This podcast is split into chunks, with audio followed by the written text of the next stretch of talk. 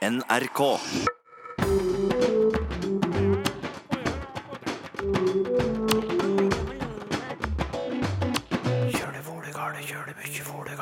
Det lille ordet 'så' strykes flittig av røde penner og ses på som unødvendig. Men hvorfor blir vi da ikke kvitt det? Jeg tenker på så som sånn sånn løvetannord. Man kan luke og luke og luke, liksom. Det er også litt interessant, for det sier noe om at det kan hende har så funksjoner som vi ikke helt er klar over. Når noe haster, sier vi at det brenner på dass. Hvor dukka det uttrykket opp? Dette er et uttrykk som nå har begynt å spre seg i løpet av kanskje de siste par tiårene. Og det er nå gjengs å snakke om noe som er i ferd med å gå galt, som en dobrann. Vel møtt til Språkteigen. I Språkteigen i dag skal vi altså prate om et lite ord. Noen vil si et filleord, for det har vært uglesett av generasjoner med lærere, redaktører, typografer og journalister.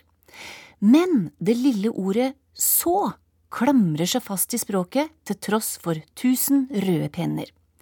Hvorfor er det så overlevelsesdyktig? Har det en større funksjon enn vi er klar over? Det forsker du på, Kristine Meklenborg Salvesen, førsteamanuensis ved Universitetet i Oslo. Men først, hvorfor er dette ordet så utsatt for rødpennen? Ja, Det er et veldig godt spørsmål. Jeg tror For det første så man, er man lært opp til at man skal ikke skrive det. Eh, Og så har man kanskje ikke tenkt så veldig mye om hvorfor man ikke skal gjøre det. Men når du spør, så får du ofte som svar at det er et overflødig ord. Det betyr ingenting. Det er bare fyll. Det, det er ikke noe vi trenger å ha i en setning. Så jeg tror det er sånn økonomiprinsipper, pluss at man har lært at det ikke skal være sånn, og så har man bare eh, fortsatt å bruke den regelen man lærte kanskje på skolen.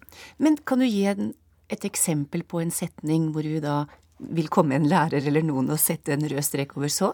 Ja, hvis du sier at f.eks. for eksempel uh, hvis du er snill, så skal du få is, så vil mange stryke så. Eller uh, kanskje enda tydeligere, tydeligere i en setning som nå så sier han noe annet, så vil mange stryke så. Men du hører det, og du hører det hele tida. Så i skrift så, er, så går vi rødpenn, men hvis vi sier det, så er det ingen som korrigerer oss? Nei, jeg har i hvert fall aldri opplevd å bli korrigert når jeg sier så. Det kan tenkes det blir annerledes når det har vært på Språkteigen, at folk begynner å fortelle meg at nå sa du så. Men samtidig så syns jeg jo Der hørte du det. Samtidig så. Så syns jeg det er et uh, veldig interessant ord. For det er veldig interessant av et ord som er så uglesett, at det lever i beste velgående.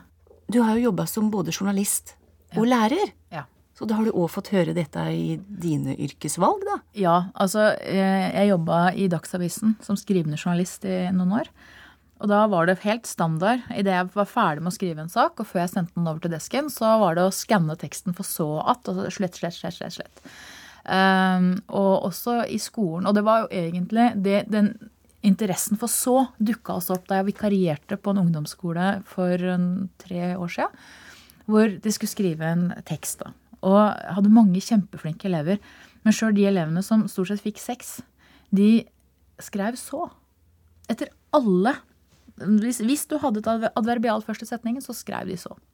Og det fascinerte meg, for jeg strøk jo ut. Det var jo det jeg var drilla til, jeg òg, selvfølgelig. Og så begynte jeg å tenke hvorfor i all verden er det sånn? Altså, det, det er helt tydelig at det her er den naturlige måten for disse elevene her å uttrykke seg på. Og hvorfor er det sånn, og hvorfor skriver vi det ikke? Og så begynte jeg å, å grave litt i det. Ja, og den gravinga har endt opp i et forskningsprosjekt som i utgangspunktet handler om noe helt annet. Ja. Jeg har fått forskningsmidler fra Norges forskningsråd og Universitetet i Oslo for å se på ordstilling i et sånt nesten tusenårig perspektiv.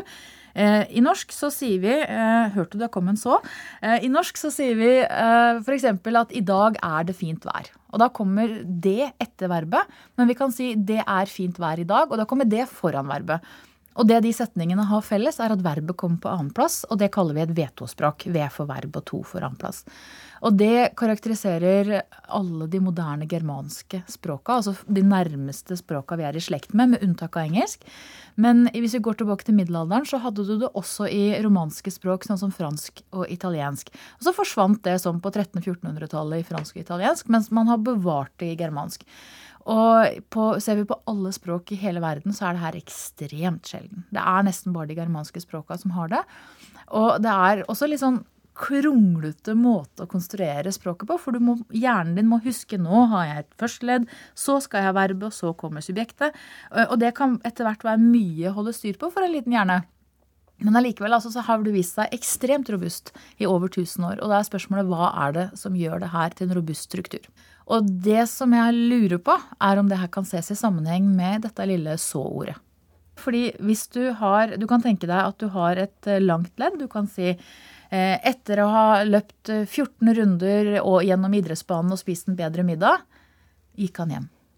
Da har du et kjempelangt førsteledd, men du må, hjernen din må huske at hele det førsteleddet, hele den lange setningen, eller hva det var jeg sa, de må det har førsteplassen i setningen, og så kommer verbet. Men hvis du et, i stedet for å gå rett på verbet kan trekke pusten og si så, så letter det din jobb som språkbruker. Altså den, den måte, kognitive belastningen blir litt mindre fordi at du kan trekke pusten og si så.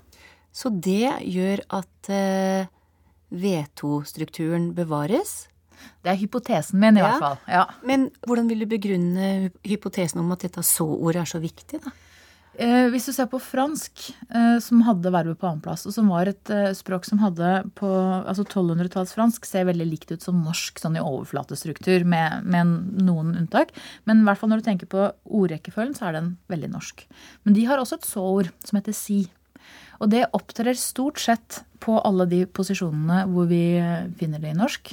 Og hvis du ser på hvor vanlig det er, så vil vi se at på, på 1200-tallet så er det vanligere med med si i fransk enn det er tilsvarende periode i svensk, som jeg antar er relativt likt norsk. Så 1200-tallet så er det ganske likt.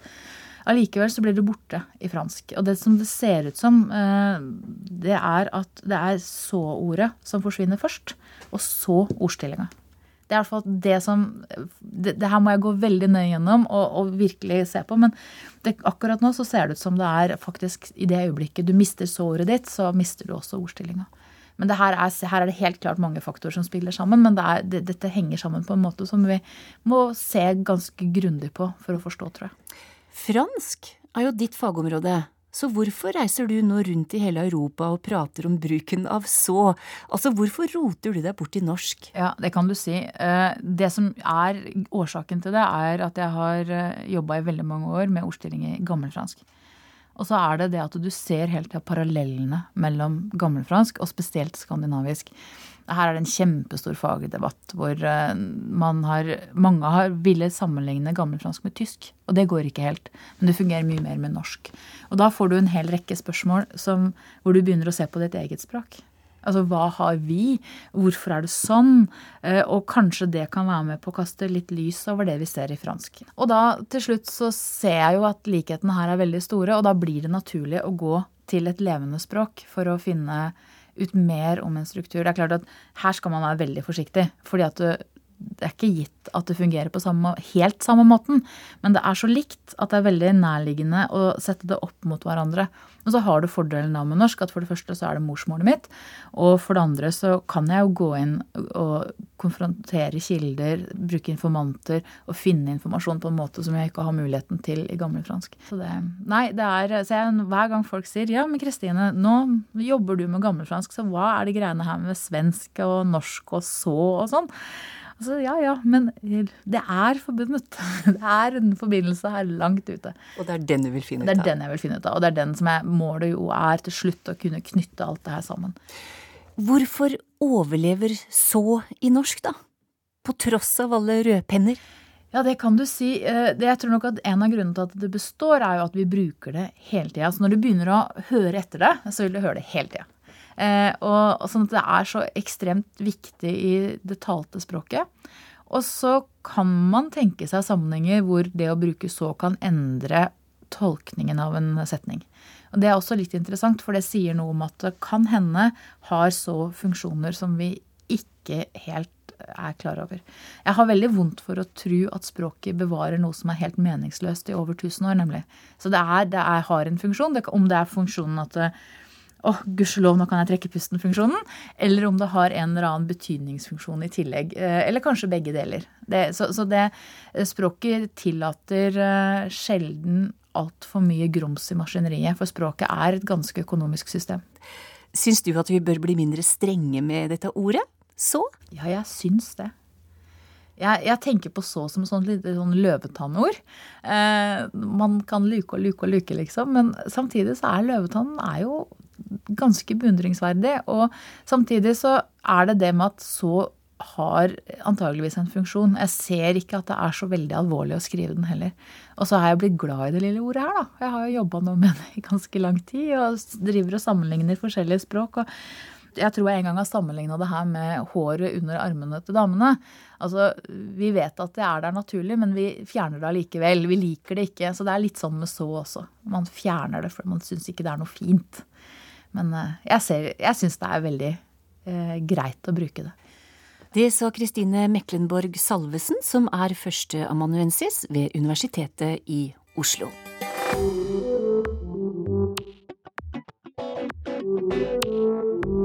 Dialekter er neste stikkord i Språkteigen. Anders Andersen har merka seg at folk fra Nordfjord som prøver å knote på Oslo-dialekt når de blir intervjua på TV, ikke får dette spesielt godt til, og lurer på om det er fonetiske grunner til det. Og Sylfest Lomheim, ikke fra Nordfjord, men fra Sogn, hva sier du til det? Det er absolutt fonetiske grunner til det, fordi du skal være veldig god du skal ha skuespillertalent, og til og med på ganske bra nivå, for å kunne, la oss si, herme Oslo-måte å snakke på, hvis du er ifra eksempel Nordfjord, eller ifra Sogn, slik som jeg er det. Så hvis jeg prøver å snakke sånn som oslofolk gjør, så høres det ikke helt bra ut, og mange vil da oppfatte det sånn at jeg eh, driter ut hele Oslo-språket på en måte. Kanskje. Hørtes ikke så veldig bra ut. Nei, det gjør ikke det. Jeg kunne kanskje fått det litt bedre til enn dette, men det er vanskelig å få helt til.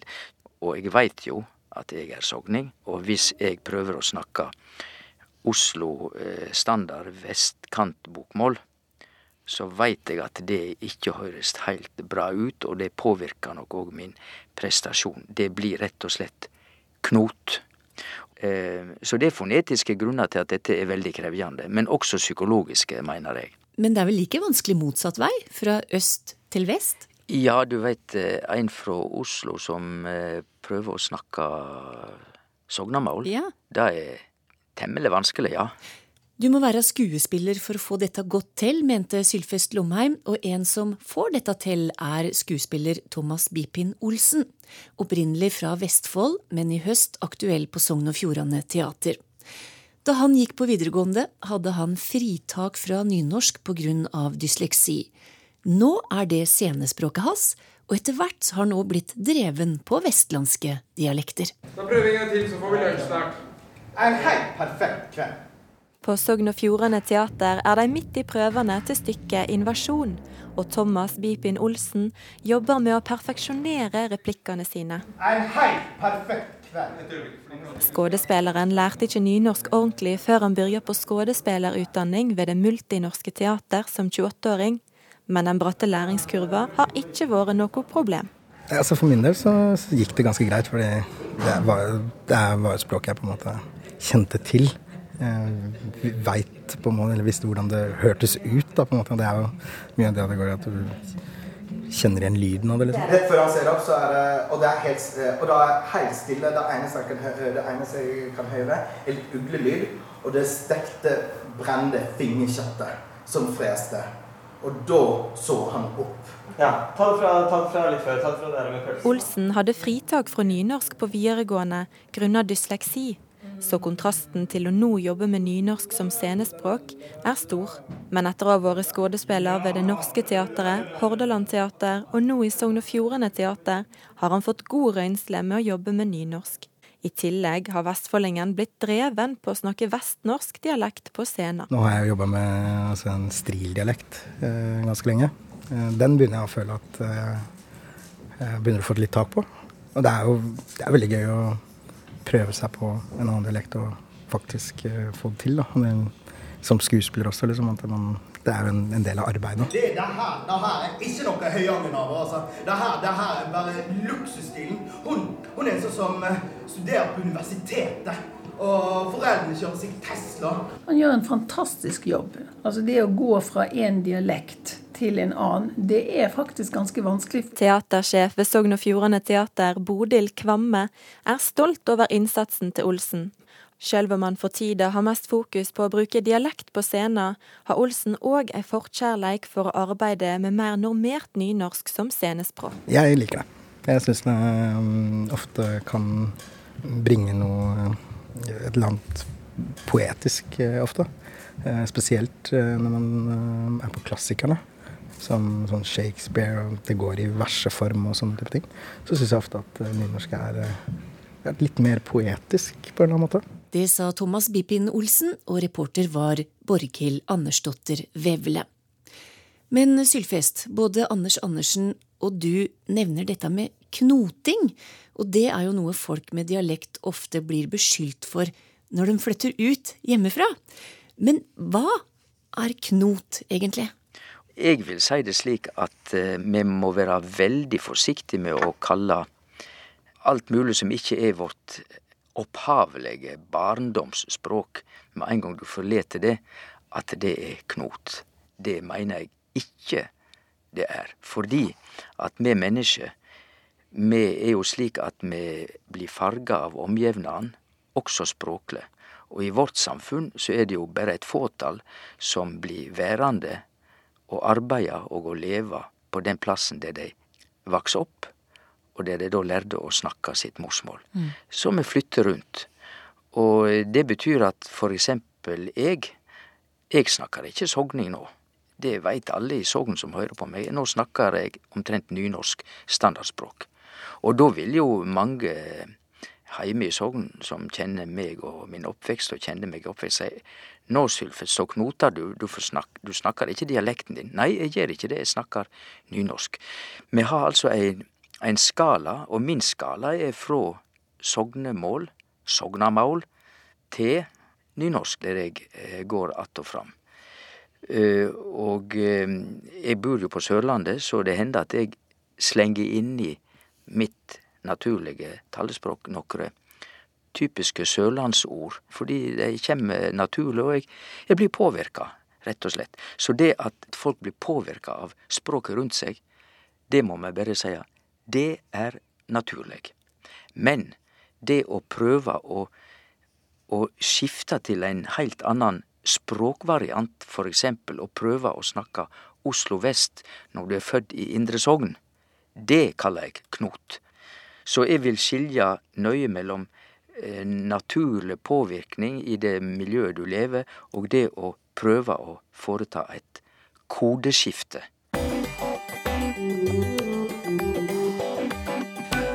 Vi skal til faste uttrykk i runden med lyttespørsmål i dag. Kjetil Endresen spør på Twitter Vet dere cirka når det begynte å brenne på dass? Altså, når noe haster, så sier vi at det brenner på dass. Og er det en norsk greie, spør Kjetil. Og slike type spørsmål sender vi til lingvist Georg Kjøll. Det er ikke veldig utbredt internasjonalt, i hvert fall. Og det er litt usikkert eh, når det etablerte seg sånn for alvor på, eh, på, norsk også. Men det er helt klart at dette er et uttrykk som nå har begynt å spre seg i løpet av kanskje de siste par tiårene. Og det er nå gjengs å snakke om noe som er i ferd med å gå galt. Eh, en situasjon som er i ferd med å tilspisse seg som en, som en dobrann. Som at er nå, nå, nå er det fare, fare på ferde, nå brenner det på dass. Og opphavet til det er, er, er det sikkert fra litt, litt lenger tilbake i tid. Den gangen man hadde utedoer hvor det kunne startes uh, branner uh, uavhengig av resten av huset. og da ja, da hastet det, hastet det virkelig. Da. Så eh, Mest sannsynlig et eldre, litt eldre uttrykk. Eh, litt vanskelig å stadfeste det, for det har ikke vært brukt så mye i skrift. Men eh, hvis vi skal tippe, så en gang på 1900-tallet 1900 så har det fått fotfeste nå de siste årene. Men hvor var det det dukka opp, da?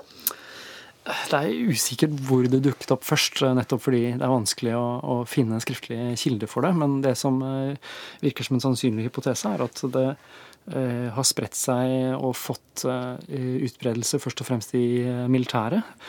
Man finner en del bruk av det i militære sammenhenger. Så på internett så finner man det i diskusjoner om verneplikt og i militærforum, og man finner i en del sånne forsvarstidsskrifter og, og sånne ting, så ser man at dette uttrykket har blitt brukt.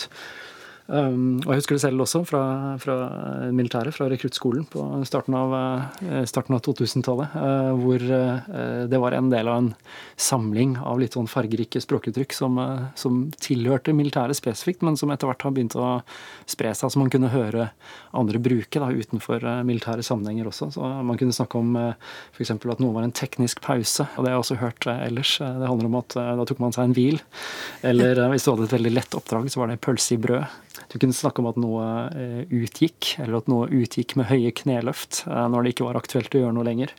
Eller at noe lå så i lende, eh, hvis man skulle beskrive en geografisk posisjon. Og disse er også uttrykk som man kan finne igjen utenfor militæret. men så har det antagelig av ukjente grunner, da, den der brenne på dass, har ja, fått, fått, litt mer utbredelse. Og vi ser det har blitt brukt mye i sportens verden for å beskrive hastesituasjoner. F.eks. hvis eh, ja, hvis man skal eh, kjøpe en eh, fotballspiller før deadline day, som er da fristen for å inngå nye kontrakter, går ut. Eller om man trenger et mål på slutten av en kamp, sånn, så er det mange som snakker om at nå, nå brenner det for dass. Men jeg må innrømme at før jeg så Kjetil Endresen skrive det her på Twitter, så hadde jeg aldri hørt det. Enda så sier du at dette her da kom inn i språket på 1900-tallet. Eh, ja, eh, i hvert fall skriftlig så finner vi da tilbake i eh, på 70-tallet er det første sånn skriftlige i, i, i, litteratur jeg har klart å, å, å finne det. funnet i en roman av Jon Ege som heter 'Sputnik', som ble gitt ut i 1983. Og Der snakker han om eh, hjemmebrenning av, sprit. Da. Så, så, det er en sånn dobbelthet i, i, det når han snakker om at det, at det brenner på, på, dass. Men uh, det har den betydningen uh, allerede der. Og da har det gjerne, typisk før det dukker opp i litteratur, så har de gjerne levd sitt eget liv i slang og sånn en liten stund før. Um, og i en bok av Sven Hassel, som er en dansk forfatter, en dansk militærforfatter, en bok som ble utgitt i 1978 eh, eh, finner jeg det, i hvert fall i en oversettelse, litt nyere norsk oversettelse. Fra 93 av Steinfjell så snakker man opp her, her brenner det på dass. Så det er også den militære, militære konteksten. da. Og eh, man finner igjen i originalutgaven, eh, som er skrevet på dansk, eh, ikke som brenner på dass, men som ild i lokumet. Ja. som er den danske, danske, varianten. Og her er uh, ild er det tilsvarende brann, og lokum er det tilsvarende som, uh, som dass eller toalett. Så du mener at dette er ganske særegent da for Norge og en versjon i Danmark? Eh, ja, altså Jeg har ikke funnet noe f.eks. på engelsk. altså Der hvor uttrykket er brukt i norsk, norsk og dansk litteratur, så er de engelske oversettelsene da er de annerledes. Så i en en, eh, et essay av Jonathan Franzen f.eks., så snakker man om at eh, det er ild i lokumet på, på, dansk. Men da på engelsk så snakker man om at the roof was caving in. Eh, altså taket var i ferd med å gi etter. Mm. Så dette virker som det er noe ganske, ganske skandinavisk. Men du har jo tilsvarende uttrykk på, på andre språk da, som har de samme assosiasjonene. Du snakker om på engelsk også at uh, 'the shit is about to hit the fan'. Uh, at nå er det ferd med å dritten er i ferd med å treffe takvifta, og da, ja, da går det ordentlig gærent. Som, gir, som er liksom på samme domene, og også brukt mye i militære, militære sammenhenger. Og også gir litt mye mye av de samme assosiasjonene, da. Men den store spredninga av dette uttrykket har altså skjedd de siste par tiåra? Ja, jeg tror Inntrykket mitt også ved å se, se på sosiale medier og høre folk snakke, og sånn, er at dette nå er i ferd med å, å, spre seg. Kanskje, kanskje, veien har gått fra militæret da, og til litt sånn guttesammenhenger som sport og sånn. og Nå ser man det i all slags, all slags prat. Når vi først er inne på dass, da. Det er jo et sted vi har mange benevnelser for. Ja, hvis, vi, hvis, vi, ser på disse uttrykkene, det brenner på dass og ild i lokumet, så oppdager vi også noe litt annet artig om eh, språk og eh, hvordan det brukes til å snakke om ting som er litt tabu. Både dass og lokum, da, denne danske, danske varianten, som også finner igjen i, i norsk eh, litt tilbake i tid, er eh, sånne såkalte eufemismer, altså omskrivinger. Fordi lokum kommer av latin Eh, locus. Så det er en akkusativ form av locus som betyr sted. Så når man snakker om at man skal på lokumet, så er det egentlig at man skal bare på stedet, men man vil ikke, man vil ikke nevne hva det handler om. Nei. Og det er akkurat det samme med ordet dass, som også er en sånn eufemisme. da, Og det er avledet av et tysk ord. Das Haus, eller Das Heuschen, det lille huset. Som da er en betegnelse for, for dohuset. Så istedenfor å måtte si at man skal på do, så sier man bare at man skal på dass. Og så utrater man resten. Og dermed har det fått, eh, fått spre seg på, på norsk, men også på, på dansk eh, og, og, svensk, eh, faktisk. Så det er rett og slett den tyske artikkelen, altså? Ja, det er den tyske, tyske artikkelen dass som er opphavet til, til den skandinaviske eufemismen for, for toalett. Eller ja. Som jo har fått flere sånne betegnelser av litt sånn eufemistisk karakter. Da. Så vi har snakket tidligere om priveten, f.eks. Eller avtrede. Eh, så man kan tenke seg hva, hva, ja, hva handler om. Man trer av, man går tilbake til et sted hvor man skal være alene, være på privaten. Og dermed har man fått tilsvarende, tilsvarende uttrykk for, eh, for, dette her. Så det er også tilfellet for eh, do, egentlig, som kommer av en grunnbetydning som handler om å gjøre. Altså et biddelnedertysk ord eh, som, som handler om å gjøre. Så det er liksom der man der man gjør noe eh, uspesifisert. Man vil ikke helt snakke om hva man skulle der. Eh, så vi har også klosett, som kommer fra, kommer fra tysk, og så også har på engelsk closet, eh, som da vi kjenner igjen som, som skap, eller avlukke, da, opprinnelig. Det har også etablert seg da, dette do som det mest, det mest brukte, men så har du toalett på, på en klar andreplass når man ser på hvor mye de brukes, i hvert fall skriftlig. Eh, og det er blitt den høflige betegnelsen. Og det eh, kommer av, et, eh, det kommer av innredningen på, på, rommet opprinnelig. Hvor man hadde et lite linlerret eller duk på et toalettbord hvor man vasket seg i gamle dager. Så man kunne gjøre sitt toalett, nemlig gå, og vaske seg og stelle seg for, for, kvelden. Og så etter hvert så ble dette, ble dette via en prosess vi kaller polysemi, hvor en, en del står for en helhet, eller en del eh, assosieres til noe annet, eh, blitt til det mest brukte ordet for, eh, for, do. Men felles for alle disse tingene er at eh, det er dette man ikke vil snakke om, dette man ikke helst vil bruke noen eh, altfor eksplisitte ord om. Eh, og så har man fått eh, ja, en, et, et, veldig sånn språklig rikdom rundt dette i, som et resultat. Der jeg kommer fra, sier det rett og slett at den skal på driteren. Ja. Ja, Da har du kanskje fått det motsatte av en eufemisme. Da har du kanskje fått en eh, dysfemisme, eh, som er en sånn negativ omskrivning av eh, et nøytralt ord. Men du har det i en del dialekter. Du har driteren eller du har driteren, som blir det motsatte. Og det er jo en litt sånn reaksjon på all dette at folk skal være så fisefine og ikke snakke om hva man faktisk driver med der, da, da ender man ofte opp med denne type ting også. Mange muligheter for deg som må gjøre ditt fornødne, altså. Takk til deg, lingvist Georg Kjøll, og takk for følget i Språkteigen i dag.